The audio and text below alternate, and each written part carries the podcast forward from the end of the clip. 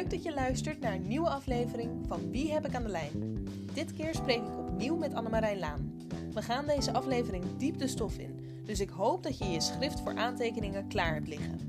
Deze aflevering leer je namelijk alles over osteopathie, over het lijf en over de beweging van jouw hond. Heel veel plezier met luisteren. Welkom bij weer een nieuwe aflevering van Wie heb ik aan de lijn? Ehm, ik zit hier nog steeds met Annemarijn Laan. En ehm, we gaan het nu hebben over osteopathie. Ehm, wat, wat is osteopathie eigenlijk? Nou, dat is, vind ik altijd een hele lastige vraag.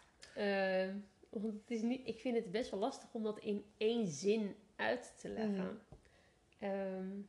het is meer ook een manier van naar klachten en naar de werking van een lichaam kijken. Dus in dit hele verhaal wat nu komt, is misschien best een beetje technisch.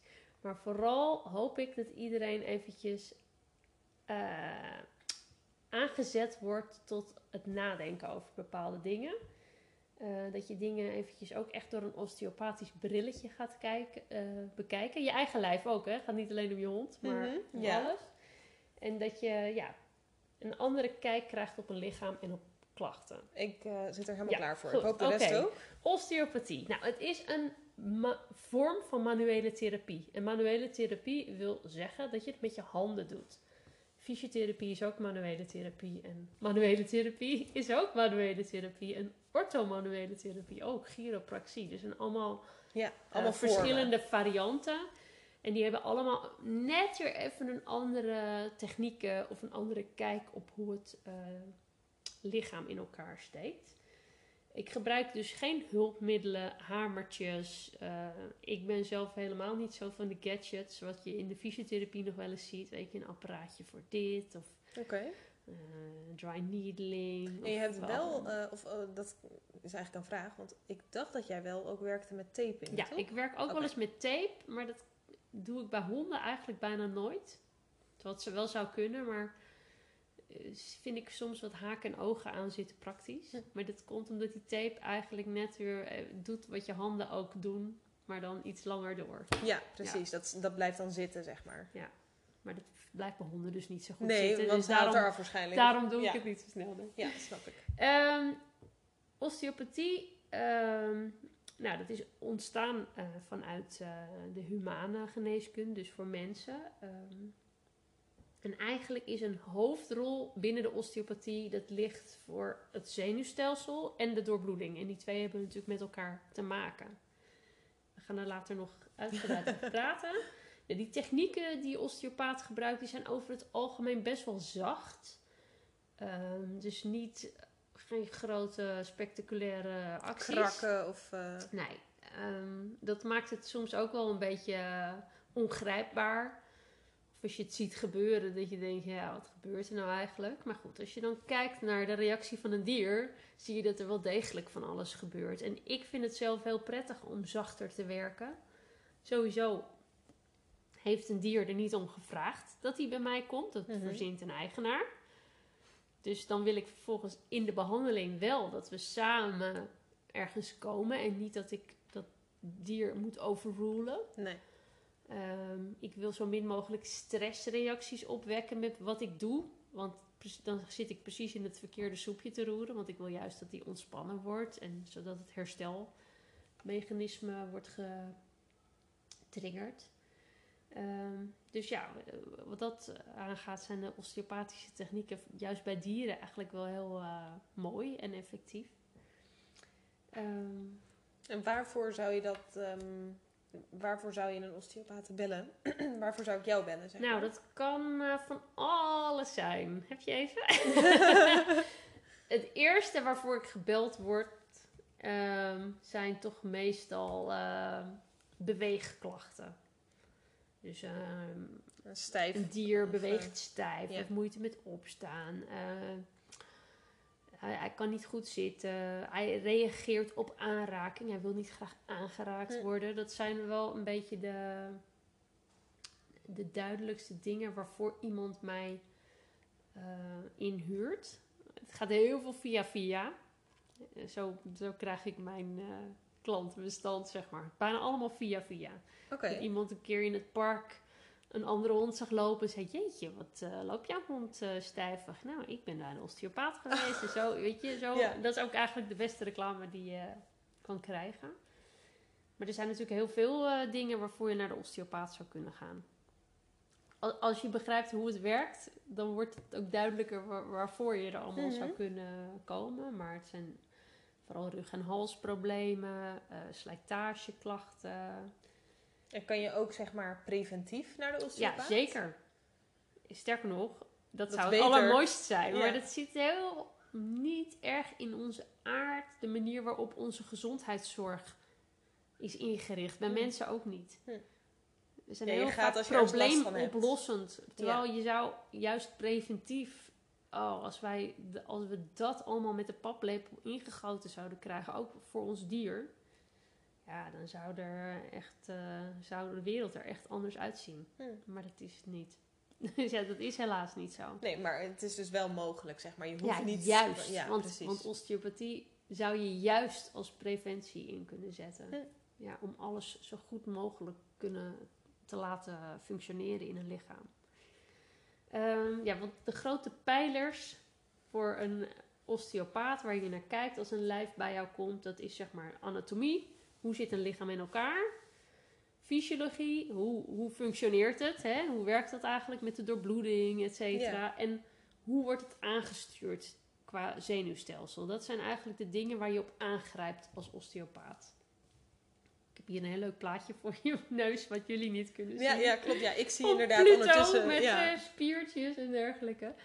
Ehm, ja, en ik, nu komt even een taai stukje, maar ik ga toch even bespreken. ja, En, graag. ik, en ik ga, want het zijn namelijk de basisprincipes van de osteopathie. En dat zijn best wel lange zinnen. Ik moet ze ook altijd even voor me snuffert maar die zijn juist zo leuk om eens een keer over te mijmeren. Van wat betekent dat nou eigenlijk ook voor mijn eigen lichaam? Het eerste zin is: biologisch is een lichaam één geheel en alle afzonderlijke delen of systemen die beïnvloeden elkaar. Als je dat zo hoort, denk je: ja, dat klinkt heel logisch, maar onze gezondheidszorg, ook voor mensen, is niet zo ingericht. Want je gaat naar een specialist voor je hart. Ene dingetje. Of Ja. voor je ingewanden, of voor je spieren, of voor je botten. Eh, terwijl al die systemen, dus het spijsverteringssysteem, je bewegingsapparaat, eh, je zenuwstelsel, dat beïnvloedt elkaar allemaal. Je organen, je orgaanfunctie, je hormonen. Hm. Ehm, dus op het moment dat er één dingetje hapert, gaan er allerlei processen ehm, ja, of een compenserende rol spelen, of ook aangetast worden door dat ene probleem. Ja. Dus het is altijd belangrijk om het lichaam als geheel te bekijken en niet alleen maar op één gewichtje te focussen. Toen ik fysiotherapeut was, dan kwam iemand bij mij met een enkelblessure. En dan ging je dat behandelen. En dan ging ik die enkel doen. En ik was echt de slechtste fysiotherapeut ooit. Want ik dacht de hele tijd, dit is niet het hele verhaal. Hm. Waarom heeft deze persoon een enkelblessure? En als ik naar die persoon kijk, zie ik dat hij hartstikke scheef staat. En waarom doet hij dat eigenlijk? Hm. Want je kan bijvoorbeeld door problemen in je buik een andere stand aannemen. En daardoor je enkel scheef belasten. Ja. De coördinatie, bij jou zijn. ja, de coördinatie is slecht en je verzwikt hem. Ja, waar, heeft het dan zin om je alleen maar op die enkel te richten? Nee. Nee. En, en dat is nou echt osteopathisch denken, dat je het hele plaatje bekijkt. En het maakt het echt niet altijd makkelijker, want je moet je dus ook echt met alles bemoeien. Ik bemoei me met alles. Als je met je hond bij mij komt, dan wil ik weten wat hij eet. Dan wil ik weten of hij operaties heeft gehad.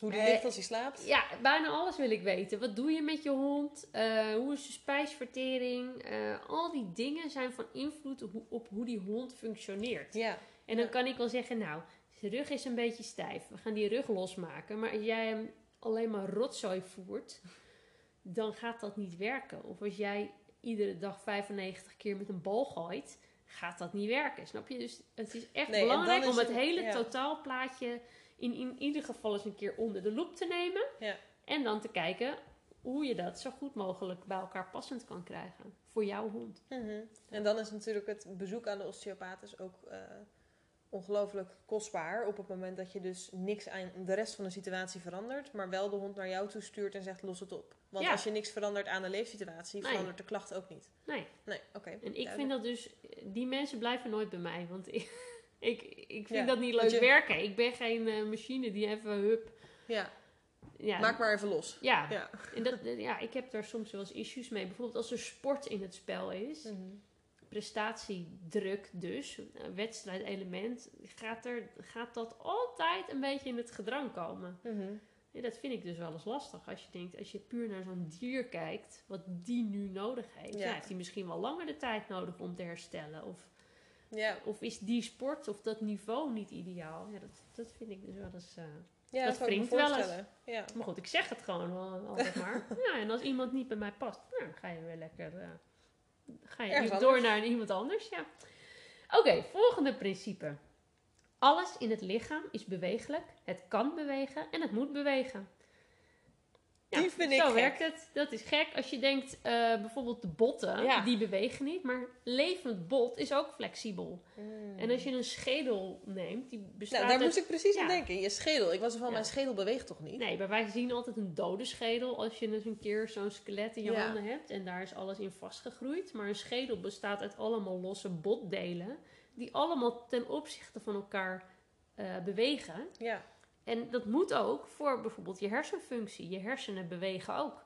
En die moeten daarvoor ook de ruimte hebben. Dus als jij bijvoorbeeld als hond een keer keihard je kop hebt gestoten. En dat stuk schedel is beperkt in zijn bewegelijkheid. Dan heeft dat dus op allerlei levels impact. Tot aan je hormonen aan toe. Ja. Ja. Jeetje. Maar dat is natuurlijk eh, eh, best wel veel voorkomend, want veel honden zijn best Ja, wel lomp. Ja, ja. Dus ja, oké. Goed om te Maar weten. goed, al, alles, moet, alles moet ten opzichte van elkaar bewegen. Je bewegingsapparaat, logisch, hè, dat je gewrichten goed bewegen. Maar bijvoorbeeld in je buik, je organen, Mhm. die bewegen ook ten opzichte van elkaar. En die hebben allemaal hun eigen bewegingspatroon. Dat is zo ontstaan vanuit de embryonale fase, hoe een lichaam wordt aangelegd. Heeft ieder orgaan ook zijn eigen swing die die maakt. Dat noem je motiliteit. Ja. En op het moment dat hij dat niet kan doen, door bijvoorbeeld littekenweefsel of eh, ontstekingsreacties in het lichaam, dan heeft dat dus impact op de functie. Die wordt slechter op het moment dat het niet goed kan bewegen. Eh, een lichaam heeft een zelfgenezend vermogen. En osteopathie activeert dit. Ik vind dat nu in coronatijd, want dat is het nu, misschien over tien jaar luisteren we dit terug. Ja. En dan denken we, oh weet je nog, dat was toen Ja. vind ik dit echt een hot item. Want een lichaam heeft een zelfgenezend vermogen. Ieder lichaam heeft de drang om zichzelf eh, weer in balans Ja, te krijgen. ja, en wat doen we balans. daarmee? Helemaal niks. We doen, er wordt heel weinig aanspraak op dat zelfgenezend vermogen gemaakt. Want Mhm. iedereen heeft dit. Ook als je oud en ziek bent. Je hebt allemaal tools hè, door middel van voeding of beweging, maar ook je mentale toestand. Als je ontzettend bang bent voor corona, dan, bijvoorbeeld, Dan, blokkeer, dan blokkeer je Ja. je zelfgenezend vermogen. Dus, Ja. En voor een dier geldt dat net zo goed. Ja, precies. Want hoe, hoe banger je bent, hoe meer je die emotie activeert, hoe meer je dat eigenlijk tegengaat. Ja, dat, ja, eh, ja. ja. ja. En ja, je kan door je, ja, door je hele lifestyle, maar ook door bepaalde technieken op een lichaam los te laten, bijvoorbeeld Mhm. osteopathische technieken, ga je dat zelfgenezend vermogen activeren. En dat is ontzettend belangrijk om gezond te blijven. Maar ook in preventie dus. Ja, precies. Ook in preventie. En ehm, wat we nu zeggen over die corona en over bang zijn, dat geldt natuurlijk ook voor een dier dat overprikkeld of angstig Ja. of eh, Ja. terughoudend is, zeg maar. ja. Die blok kan dat natuurlijk ook blokkeren. We gaan straks daar nog leuk even ja, lekker sorry. over doorbomen. Maar het is heel goed dat je dat aanstipt. Want dat Ja. remt inderdaad functies af. Ehm, nou, het volgende principe, dat noemen we de arterial rule. En dat wil zeggen, een goede doorbloeding van elk weefsel is een voorwaarde voor normaal functioneren. Hm. Op het moment dat de doorbloeding niet goed is, functioneert weefsel niet goed. Dus dat is van essentieel belang. Komt er voldoende zuurstofrijk, voedingsrijk bloed aan op de plek waar je het wil hebben? En hoe kun je daar de voorwaarden voor scheppen? Beweging is belangrijk, maar er zijn Ja. nog meer dingetjes. Ja. En de laatste, die vind ik dus altijd heel erg leuk, want daar kun je eindeloos over filosoferen. De structuur van het weefsel bepaalt de functie en omgekeerd. Dus de functie bepaalt de structuur. En er zijn echte hardliners binnen de osteopathie die zeggen: oké, alles in het lichaam is bindweefsel. Mhm. Ieder weefsel is bindweefsel. Maar het zit op die plek, in die vorm, omdat dat er op die plek van gevraagd wordt. Dus Hmm. bot Oké. weefsel zit op die plek en heeft die structuur, die harde structuur, omdat op dat punt wordt er iets van gevraagd. En je kan het je heel mooi visualiseren als je bijvoorbeeld denkt aan een astronaut. Een astronaut krijgt op het moment dat hij een tijd gewichtloos is en er dus niks gevraagd wordt qua belasting en zwaartekracht op ja. dat bot, gaat de botdichtheid super snel achteruit. Die krijgen allemaal mega botontkalking. Op het moment dat ze weer terugkomen op aarde, moeten ze dat weer heel rustig opbouwen. Dan wordt er dus iets van dat bot gevraagd. En Maar het is gaat dus hij dan vervolgens. Ja, dat je, een lichaam kan eindeloos regenereren en herstellen als de voorwaarden daarvoor goed zijn. Ja. Ook zelfs oudere lichamen, hè? Of, Ja. of kapotte lichamen. Dat is de kracht die in, is enorm. en, eh, in de natuur zit om weer te herstellen, is enorm. En wij moeten de, de knopjes vinden om juist dat te activeren. Ja. Eh, als je in het gips hebt gezeten, zie je dat je bespiering helemaal Mhm. weg is op het moment dat het gi- gips eraf is. Die spieren die heb je toen niet nodig gehad. Dus die gaan weg. ja. Er wordt namelijk niet iets gevraagd op die plek van die spieren. En op het moment dat je weer vraag gaat Ja. doen. En dat kan je dus ook zo beïnvloeden dat het iets voor je oplevert, Ja. zeg maar. We zeggen ook wel eens in de osteopathie: use it or lose it. Dus je moet iets vragen van een lichaam. Wil dat wil die komen. dat Ja. onderhouden? Ja. Hè? En bijvoorbeeld puntjes op je bot, die zitten daar omdat er daar een pees aan hecht, die er daaraan trekt. Dus je hebt op dat punt extra bot nodig om Hm. dat eh, te kunnen bieden. Als je zo op die manier naar een lichaam gaat kijken, maar ook wat wij er wel of niet van vragen, dat is dus heel interessant. Ja, en dat betekent dus ook dat, wat natuurlijk sowieso al zo is, niet ieder lichaam is hetzelfde, maar ook niet ieder skelet is dan hetzelfde. Nee, ieder skelet is anders. En sommige lichamen zijn ook echt gemaakt voor Iets. zwaar werk. Ja, of precies. gemaakt voor lange afstandsrennen. Of gemaakt voor dit of zwemmen. Of, ja, dat, dat, Ja, dat doet iets honden, met je lijf. Want, want honden hebben natuurlijk als mens zijnde altijd al in, in specifieke rassen gefokt. De een voor het ene gebruik, de ander voor de ander. Vaak ook met een werkachtergrond. Ja.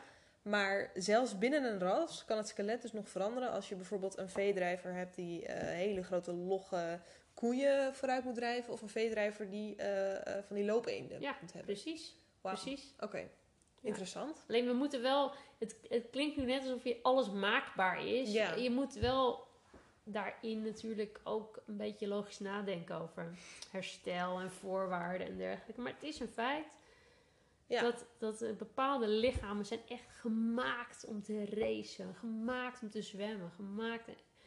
En, in, in, laten we even de, de keerzijde ervan noemen. Er zijn ook echt hondenrassen die gewoon zo doorgefokt zijn door de mens. Die kunnen helemaal niks hebben. Mhm. Het is, het is echt... eh, Ja, het is, het is heel sneu, maar het is Ja, wel zo. Ja, ja. En het enige wat die kunnen doen is op de bank liggen. Ja, ja. Daarin kun je natuurlijk wel kijken, wat, hoe kunnen we het zo, eh, de belastbaarheid van die Mhm. hond zodanig maken dat hij wel iets kan hebben, maar dan moet de eigenaar daar vervolgens ook de belasting op aanpassen. En dat is dus een heel, eh ja, hele wiebelig evenwicht Ja. soms. Ja, Ja, ja, ja. vooral Daar bij doorgefokte rassen. Ja. Ja. Ja. Oké, nou dat waren even de basisprincipes. Viel mee, hè? Ehm, Ja, dit hadden we, ja. Nou ja, er worden qua honden, we hebben dit in een andere podcast al een beetje besproken, maar ehm, vroeger was osteopathie dus vooral voor, als je het voor dieren bekijkt, voor paarden interessant. Die zaten in de sport, daar rijden we op, daar vragen we wat van. Bij de honden zie je ook eigenlijk dat er best wel veel gesport wordt. Mhm, Ehm, Zeker. en dat er dus op een andere manier iets gevraagd wordt van die hond. En dat, ik vind, eh, als je een hond gebruikt om te sporten. Sporten is ook weer een beetje. nou ja, de in bredere zin. Zeg maar. Ja. De honden, hondensport, ik vind bepaalde jacht of bepaalde drijfdingen. Dat, ja, dat is ook sport. Ehm, en die hond is gefokt voor dat doel. En die gaan er dan ook 100% voor, ook in de training. Mhm. Ja. Want zij zijn zo eager om dat te doen. Ja. Dat die, doen dat, die, die doen iedere dag een Olympische prestatie. En voor een Olympische prestatie moet je in vorm zijn. Mhm. En jij als eigenaar, dat is jouw verantwoordelijkheid. Om te zorgen dat dat lijf van die hond dan ook optimaal kan presteren. Doordat hij goede voeding krijgt, genoeg rust, lekker kan bewegen. Uh, nou, al, al Ook dat soort factoren. ja. Ja, ook kan ontspannen. Dat, dat is een aandachtspunt. Want honden willen, hè, als je, ik, vind het, ik vergelijk het altijd. Je hebt mensen eh, die doen agility. Die hebben daarvoor een eh, type hond wat daar helemaal voor gemaakt is. Die, die gaan er 100% voor. Juist die honden moet jij als eigenaar het geweten voor zijn. En zeggen, Mm. nou, en nu En hebben we beschermen. Ja. vandaag genoeg gedaan. We gaan nu een rustdag inbouwen. Eh, we stoppen met de training. Wat dan ook. Als jij dat gaat doen met een eh, beagle. Ze bestaan hoor. Ik, ik wil niet generaliseren. Ja. Maar die beagle die denkt na één rondje agility. Nou ja, oké. Ja. maar, eh, nu, en nu, nu ruikt mijn neus daar achter de bosjes iets. Doei! Die hond gaat zich helemaal nooit kapot lopen op het parcours. Nee. Want die, die heeft die drive niet. Die wil gewoon lekker snuffelen en op jacht. als je daarmee op jacht gaat, precies, dan heb je datzelfde effect weer. Precies, ja. Dus dat, dat is wel geinig om over na te denken. Ja. Maar wel een extra verantwoordelijkheid voor het mens van die Ja. hond. Om dat, Om dat om dat te bewustzijn te hebben. Ja. Ja. ja. Ehm, nou ja, we hadden het net over beweegdingen. Maar als je het zo bekijkt, kan de osteopaat natuurlijk ook eh, bij eh, spijsverteringsklachten een rol spelen. Als je bijvoorbeeld bezig bent met de doorbloeding en de beweeglijkheid van de organen en de bezenuwing van organen, kun je een rol spelen. Ehm, onvoldoende herstel na bijvoorbeeld ziekte of een blessure kun je helpen om de boel weer op de rit te krijgen door osteopathie. Ehm, wat ik vaak doorgestuurd krijg vanuit professionals. Ik vind dat ook altijd wel een ingewikkeld dingetje hoor. Dat zijn eh, honden die eh, plotseling eh, gedrag, bijtgedrag, agressief gedrag laten zien. En dan denken ze dat het uit pijn En dan, komt. en dan zou het uit een fysieke oorzaak kunnen komen. Ja. Ehm, dat kan, zeker. Als je kijkt naar de emmer met prikkels, zeg maar, die vol zit. Waardoor een hond hè, die al aan het overstromen is met zijn emmer tot zulke drastische middelen zou willen grijpen als uitvallen en bijten. Kan zeker een hond die pijn heeft, kan die emmer al voor een heel groot deel vullen. Ja. Snap je? Dus dan is het de moeite waard om eens te kijken of je daarin iets kunt verbeteren. ehm, zodat je die, dat, die prikkelgrens eigenlijk verlaagt, die uitvalgrens. Aan de andere kant, even van mij uitgedacht, vind ik het ook wel eens lastig. Dan krijg ik een mailtje. Ja, mijn hond bijt ineens. Ehm, mijn eh, trainer zei dat het misschien ook wel eens fysiek zou kunnen zijn. Kun jij hem een keer nakijken? En dan denk ik twee dingen. A, ik heb geen röntgenogen. Dus Ja. als we dit pad met elkaar opgaan, dan is dat niet dat ik op die dag een oordeel ga geven over jouw hond. We gaan die hond bekijken, kijken wat ik mag doen, kijken wat ik kan doen en dan gaan we kijken hoe die daarop reageert. Maar dat is dus altijd een beetje een lange termijn project. Als ik het niet vertrouw, hè, of ik denk er spelen andere dingen, dan zal ik dat ook zeggen. En dan, ga, dan is het sowieso slim om naar de dierenarts te gaan. Dan moet ik hier bijvoorbeeld röntgenfoto's Ja, te maken of iets dergelijks. Maar goed, eh, wat ook nog speelt, is als jouw hond bijt bij aanraking Hoe en je gaat vervolgens naar de osteopaat. Ja. Eh, hoe zie jij dat zelf? Want ik moet nog langer mee dan vandaag. Eh, want dat, vind- dat, daar hebben we Heb soms je wel eens pittige discussies ja? over de mail al voordat we überhaupt hebben afgesproken. Want ik vind het prima, maar dan wil ik wel dat jouw hond geoefend heeft, bijvoorbeeld met een muilkorf. Ja, En precies. heel veel mensen hebben dat nog nooit geoefend. Oh. En die moeten dat echt. Daar kunnen we ook nog een podcast over Ja. Ehm, dat vind ik eigenlijk iets wat je bij iedere jonge hond zou moeten oefenen. Want iedere jonge hond kan ook wel eens een keer een nagel inscheuren en in bedwang gehouden moeten worden bij een dierenarts. Volgens mij is dat echt een stukje basis. eh ja, maar dat, zo wordt dat niet gezien over het Ja. algemeen. Dus ja, er zitten wel haken en ogen aan. Maar het kan, ik heb ook heel veel voorbeelden in de praktijk van honden die veel relaxter zijn geworden. toen ze lekkerder in hun vel kwamen te zitten. Maar dat is dus heel vaak niet een werveltje, maar dan gaat het over en belasting, weet je. Skip die overprikkeling. Eh, ga kijken wat je nog met voeding kan doen of met eh, supplementen. Of, eh, Ja. Het is een totaalplaatje ook weer. Ja. Het is niet zo dat de osteopaat de oplossing is voor de Nee, uitvallende het is niet hond. alsof jij ergens zo met Nee. je vinger op drukt en dat het dan over Nee, is. nee. Nee. Er zijn ook altijd wel een paar dingen waar je vooral niet mee naar de osteopaat moet komen. Oké. Ehm, ik word nog wel eens gebeld met: Oh, mijn hond is net over de kop gegaan en nu loopt hij hartstikke kreupel. Kunnen we met spoed langskomen?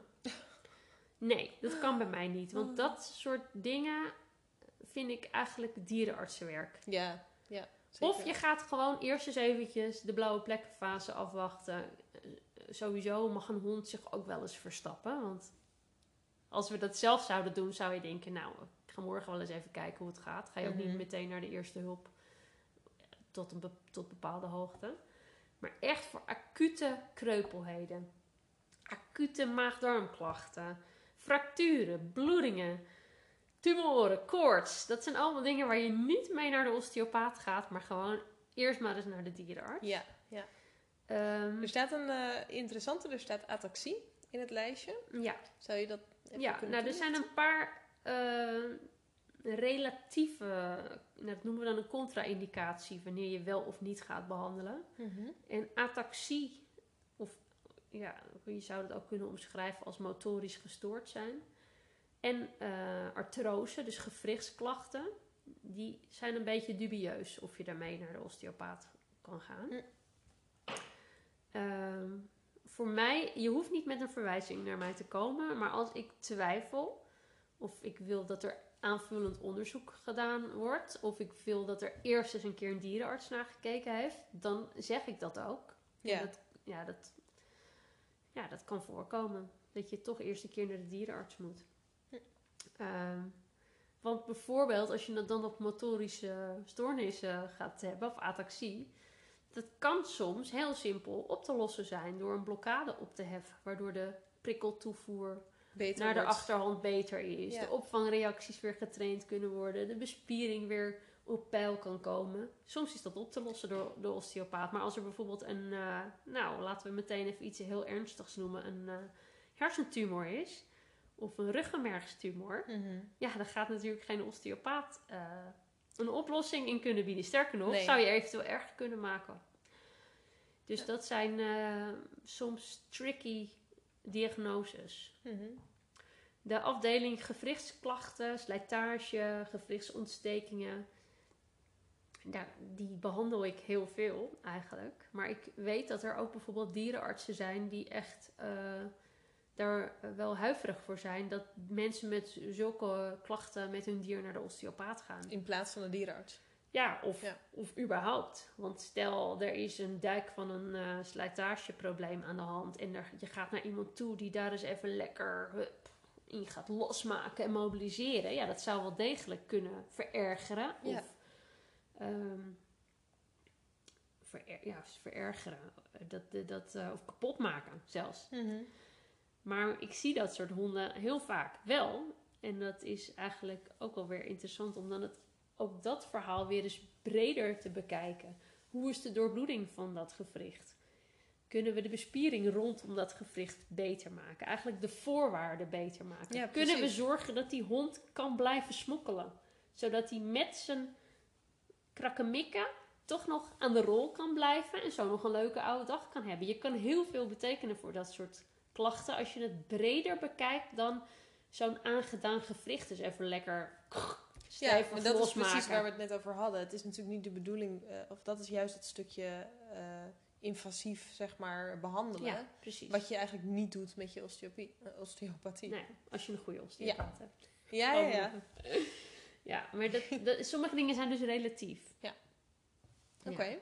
Maar ik kom dus niet met zwaailichten aan als Nee, er een nee, nee. probleem is. Dan ga je gewoon naar de dierenarts. Ik werk ook heel veel samen met de dierenarts. Want ik denk dat ik iets kan bieden wat de dierenarts niet kan bieden qua ja, mo- mobilisatietechnieken. Maar ik heb ook echt wel een stuk diagnostiek, eh, echo's, MRI's, ehm röntgenfoto's nodig van dierenartsen, bloedonderzoek, medicatie, weet Ja, je, wat, een- wat ik niet kan ja, bieden. dat, het een sluit het ander niet uit. En ook een beetje om een volledig beeld te krijgen Ja. ehm, van de situatie. Ja. Ja, en dan komen we ook op een stukje, wanneer weet je nou of je bij een goede osteopaat zit, zit of niet? Mijn werk is veel uitgebreider dan een paar technieken toepassen. Hm. Want juist doordat je een goede opleiding hebt en een voorgeschiedenis als dierenarts. Eigenlijk bij mij, in mijn opleiding was de helft dierenarts en de andere helft was fysiotherapeut. Die mensen hebben allemaal een rugzak met ervaring Ja. waarin jij kan beoordelen: dit is pluis of dit is niet pluis. Hier kan ik dit bij toepassen of hier moet ik iemand voor eh, terugsturen naar een dierenarts. Eh, hier is aanvullend onderzoek voor nodig. D- dit is het plan wat we gaan afleggen met elkaar. Dit is een verwachting die we kunnen hebben met elkaar. Daar heb je dus een veel bredere ja, eh, rugzak aan ervaring en kennis en, en, en ook- gevoel voor nodig. Juist ook bij dieren, want die kunnen niet praten. Ja. Dan gewoon alleen maar een paar techniekjes uitvoeren. Ja. En maar, maar kan je ook dan zeg maar osteopaat zijn zonder die Ja, rugzak? want het is namelijk een vrij beroep. Ah, en wij praten ja. nu al een heel middagje erover. En als jij nu vanmiddag besluit, ik schroef een bord op de deur. En ik dan ben mag het ook. dat. Dan kan Ja. niemand jou daarin tegenhouden. En dat is natuurlijk een zorgelijk iets. Mhm. Ik ben samen met een aantal collega's een beroepsvereniging gestart. Een aantal jaar geleden. Wat niet echt superleuk werk is. Ik heb wel wat beters te doen met mijn tijd. Maar wat wel echt nodig is, zodat een diereigenaar of een verwijzer, dierenarts of de wet, weet ik wat, dat iemand weet wat iemands eh, voorgeschiedenis is. Dat jij kan inschatten. En dan heb je natuurlijk nog steeds individuele verschillen. De ene osteopaat zal jou beter liggen dan de ander. Maar dan kun je er in ieder geval van op aan dat zo'n persoon eh, een gedegen vooropleiding heeft en genoeg kennis en kunde om dingen te onderscheiden. En Ja. dan nog kunnen er fouten gemaakt worden. Dat Ja. is menselijk. Maar dan, het is dus best wel lastig als diereigenaar om eh, in te kunnen schatten of je nou bij een goede zit of niet. Want iedereen kan wel een flashy website maken en een snel praatje hebben. Maar Mhm. dus zoek uit wat, wat is de voorgeschiedenis van een osteopaat. Ja, precies. Het doel van een behandeling is dus eigenlijk om een lichaam weer te optimaliseren en te normaliseren in zijn functie. Ik kan niet van een bejaarde hond een Olympische sporter maken, maar ik kan wel zorgen dat zo'n bejaarde hond helemaal passend bij zijn leeftijd, bij zijn ras en bij zijn hele fysieke gesteldheid, om te kijken of we daar nog het beste van kunnen maken qua bewegelijkheid, qua eh, Hm. spijsvertering en dergelijke. Van de beste versie van zichzelf. Precies, de beste versie van zichzelf. En eigenlijk zijn alle technieken daar ook op gericht. Dus je, je zorgt dat de doorbloeding zo goed mogelijk wordt. Ja. En dat de bespiering zo goed mogelijk wordt. En dat het bewegingspatroon zo goed mogelijk wordt. En dat is niet altijd perfect, maar Hm. ja, passend bij de hond. Ehm, heel veel mensen zeggen: Oh, lekker tegen een hond. Je bent, eh, ja, was van de week jarig. En ik doe nu een eh, behandeling cadeau bij de osteopaat. Oké, ik interessant. weet niet of je zelf wel eens gaat, maar ik vind het altijd best wel heftig als er iemand aan mij zit. Helemaal als ik ergens last van heb. En dan heb ik het nog zelf bedacht. Ik ga naar die en die toe. Die honden, die hebben dat niet. Die komen bij mij in de praktijk binnen. Dat ruikt naar heel veel hond. Eh, ik ben er. Ik zit in hun zone. En ik ga ook nog eens aan ze zitten. Dus als je het eventjes puur bekijkt vanuit de hond, is het eigenlijk helemaal niet relaxed. Nee. Dus eh, ik investeer heel veel tijd in vriendjes worden. Want ik wil eerst dat die hond zich op zijn gemak voelt bij mij. Dus ik sowieso, de eerste keer gaan we eerst eens een beetje typen en kwekken. Ja, en dan kan die hond snuffelen. En Even kennis maken. ik geneer me totaal niet voor heel veel voertjes meenemen. Want als die hond een hele leuke associatie met die ene keer bij mij heeft, snap je, Mhm. het werkt niet bij iedere hond hoor. Maar we moeten er gewoon maar met elkaar het beste van maken. En dat kost best wel eventjes tijd om vriendjes te maken, maar dat loont enorm. Want als een hond zich op zijn gemak voelt bij mij, dan eh, mag ik vervolgens veel meer en dan levert het geen stress op. Ja, dus dan heb ik uiteindelijk. Ja. Ja. dan heb ik veel meer effect van wat ik wil. Want al mijn technieken zijn erop gericht om het zenuwstelsel te beïnvloeden. Je hebt twee soorten zenuwstelsels. Je hebt eentje die zorgt voor actie. Fight, flight, freeze. En daar horen een paar lichaamsprocessen bij. En die zijn nuttig op het moment dat je wordt achtervolgd door een tijger. Dan heb je nodig dat je eventjes heel veel adrenaline hebt. En goed kan kijken en ruiken en rennen, et cetera. Maar je spijsvertering is dan bijvoorbeeld helemaal niet relevant. Nee. Sommige processen doen het namelijk alleen maar als je rust hebt en her- eh, ontspanning, herstel. Hm. En dat, die twee zenuwstelsels moeten de hele tijd met elkaar in evenwicht blijven in een ideale situatie. Maar op het moment dat jij oververmoeid bent, stress hebt, overprikkeld bent, eh, niet lekker in je vel zit, niet lekker kunt bewegen, eh, nou, noem duizend voorbeelden, dan is dat evenwicht dus weg.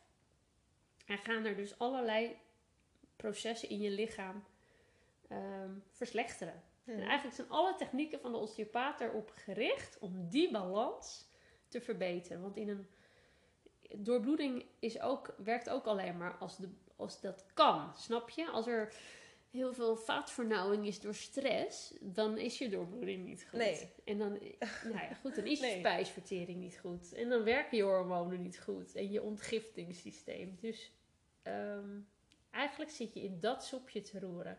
En op het moment dat ik een prikkel toedien die heel veel stress oplevert, maar misschien lokaal nut heeft, Ja. dan schiet ik dus in het hele plaatje mijn doel totaal voorbij. Snap je? Ja, en dan, ja.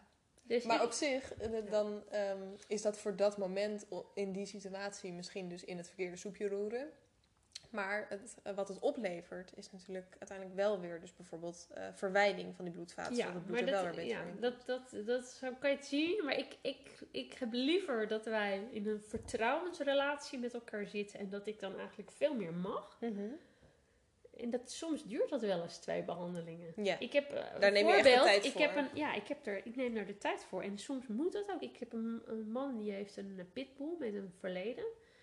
En die hond had vreselijk veel last. Maar die was zo gestrest en daardoor zo ja, gevaarlijk. Dat ik, er was natuurlijk geen mogelijkheid dat ik die hond ging behandelen. En hij zag dat. En hij heeft gezegd: luister, ik heb deze hond. Ze heeft problemen. Jij moet daar iets aan doen. En ik zie dat dat nu niet kan. Wij gaan eerst nu twee keer koffie drinken. Maar dat met is top. voertjes. Dat is betaald. Ja, ik, ik zeg het even betaald. Ik, ik heb, het is ook mijn werk, weet je. En toen dacht ik, wauw, wat heb jij als hond, jij mazzel met deze eigenaar. Dat Ja, die zeker. ziet dat jij dit nodig hebt. En aan het eind van de eerste keer koffie drinken, mocht ik haar al aaien. Want ze kwam binnen, nou jongen, het was echt een beetje scary. Zo over de theewater. Ja, echt eng. Geen haar op mijn hoofd die dag. Die hond ga ik dus Ja. En inmiddels zijn we al wat sessies verder. En gaat ze gewoon, als ze binnenkomt, gaat ze gewoon lekker liggen. En, eh, Nou, top. en dan denk ik, oh wat goed. Als ik haar de, haar de eerste keer had geforceerd, had het mij mijn arm gekost. En dan hadden we nooit meer wat mogen doen bij die hond. Nee. En ook een ander dus niet. Want Een ander was- ook niet. Precies, dan was die situatie zo Want, slecht die, geweest. want de- die ervaring zit ook in honden. Een keer bij de dierenarts echt in de houtgreep genomen zijn Mhm. om whatever te doen. Die, die ervaring nemen honden ook mee naar mij, naar Mhm. mijn praktijkje. Snap je? Is, is- soms ging het tijden goed en hebben ze een keer zoiets meegemaakt en ik sta op nul. Dat, Dat is heel mee. lastig, Ja, lijkt mij. ja. Dus realiseer je dat het helemaal niet alleen maar lekker is voor een hond. Nee. En de technieken ook niet. Het is gewoon, niet- het is gewoon best wel Nee, en- ingewikkeld. En, trouwens ook niet voor jou. eh, precies wat je zegt, die technieken ook niet. En dat betekent dat jij ook eigenlijk constant bezig bent met... oké, wat kan ik wel doen, wat kan ik niet doen. Het is niet alsof je daar een beetje gezellig zit te masseren nee, voor nee, niks. nee, precies. Ja. Gebleven.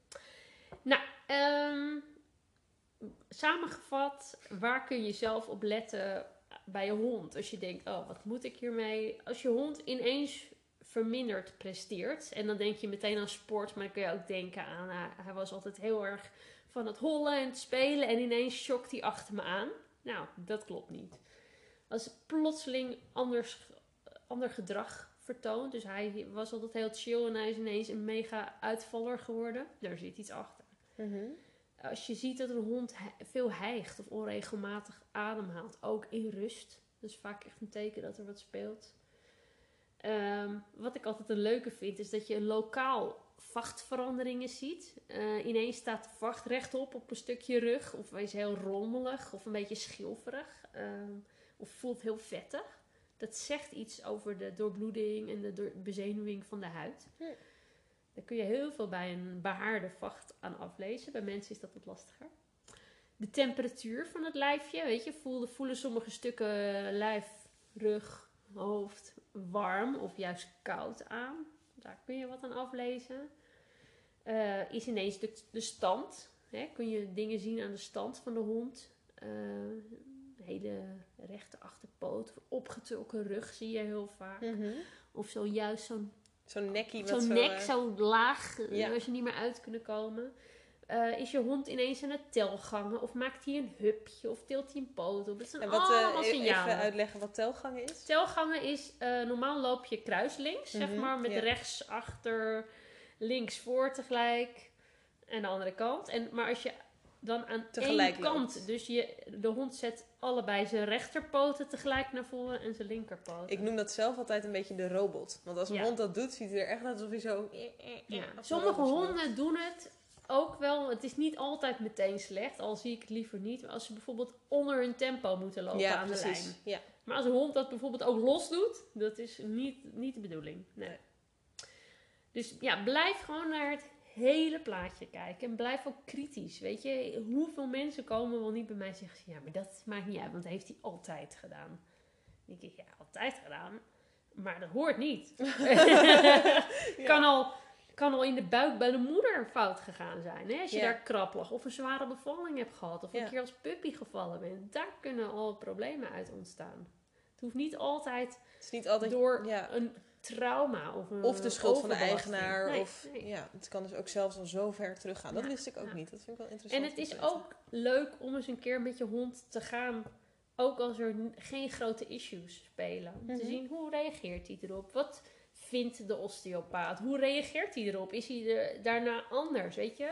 Ik- we moeten een keer een live verslag doen van een eh, consult met Mats eigenlijk. Ja, dat zou hartstikke leuk zijn. Ja. Ja, maar ik, juist die honden, en paarden krijg ik ook, dat vind ik juist super leuk als iemand denkt, joh, we hebben geen grote issues, maar wat kleine dingetjes. Vertel eens wat over... Ja, eh, wat vind je bij mijn hond? Want Ja. het is veel leuker om vanuit die uitgangspositie te gaan eh, onderzoeken. eigenlijk. onderzoeken en te zien wat er nog te winnen valt, dan vanuit een positie waarin er echt al schade is. Ja. Dat is veel lastiger. Ja. Dus uh, ja. www.nvdierosteopathie.nl, dat is de beroepsvereniging. Ja. Daar staat dingen uitgelegd over osteopathie, maar daar staat ook een kaartje op waarop je iemand kan vinden voor jouw hond. Ik moet zeggen, honden-osteopaten zijn schaars in Nederland. Dus uh, ik hoop dat het. Ik, ik, ik zou hier een hele week mee kunnen vullen qua werk. En dat zou, vind ik jammer, want ik wil eigenlijk ook echt paard blijven doen. Maar er komen er steeds meer goede bij. Hm. Maar daarop kun je iemand zoeken. En als iemand dit nou luistert en denkt: Wauw, ik vond dit zo'n inspirerend verhaal, ik wil dit gaan worden.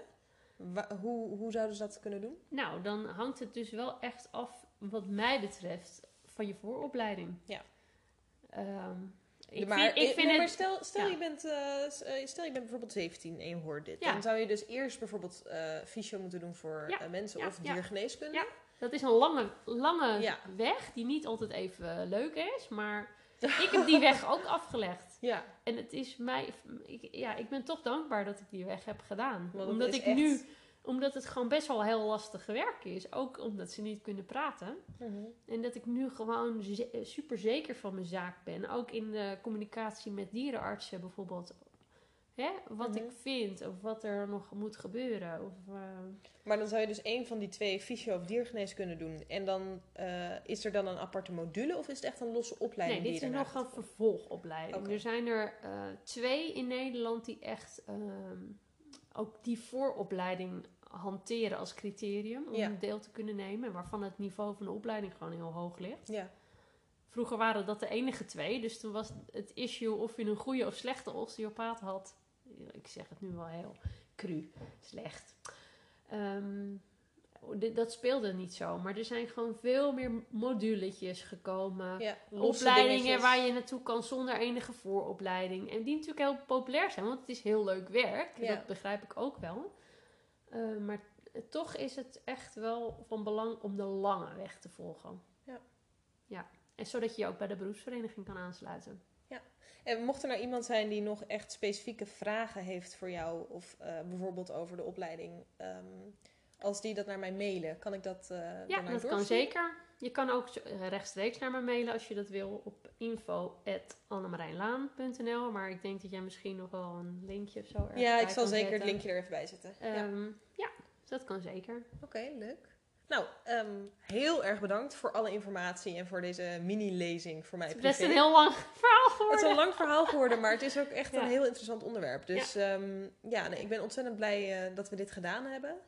En eh, ik hoop je snel Ja, weer en te als spreken. er dus nog vragen hieruit voortvloeien, eh, stel ze, want dan kunnen we misschien weer nog een nieuw onderwerp ja, precies. Ja, een nieuw bespreken. onderwerp. Ja, leuk. Oké, nou, tot snel.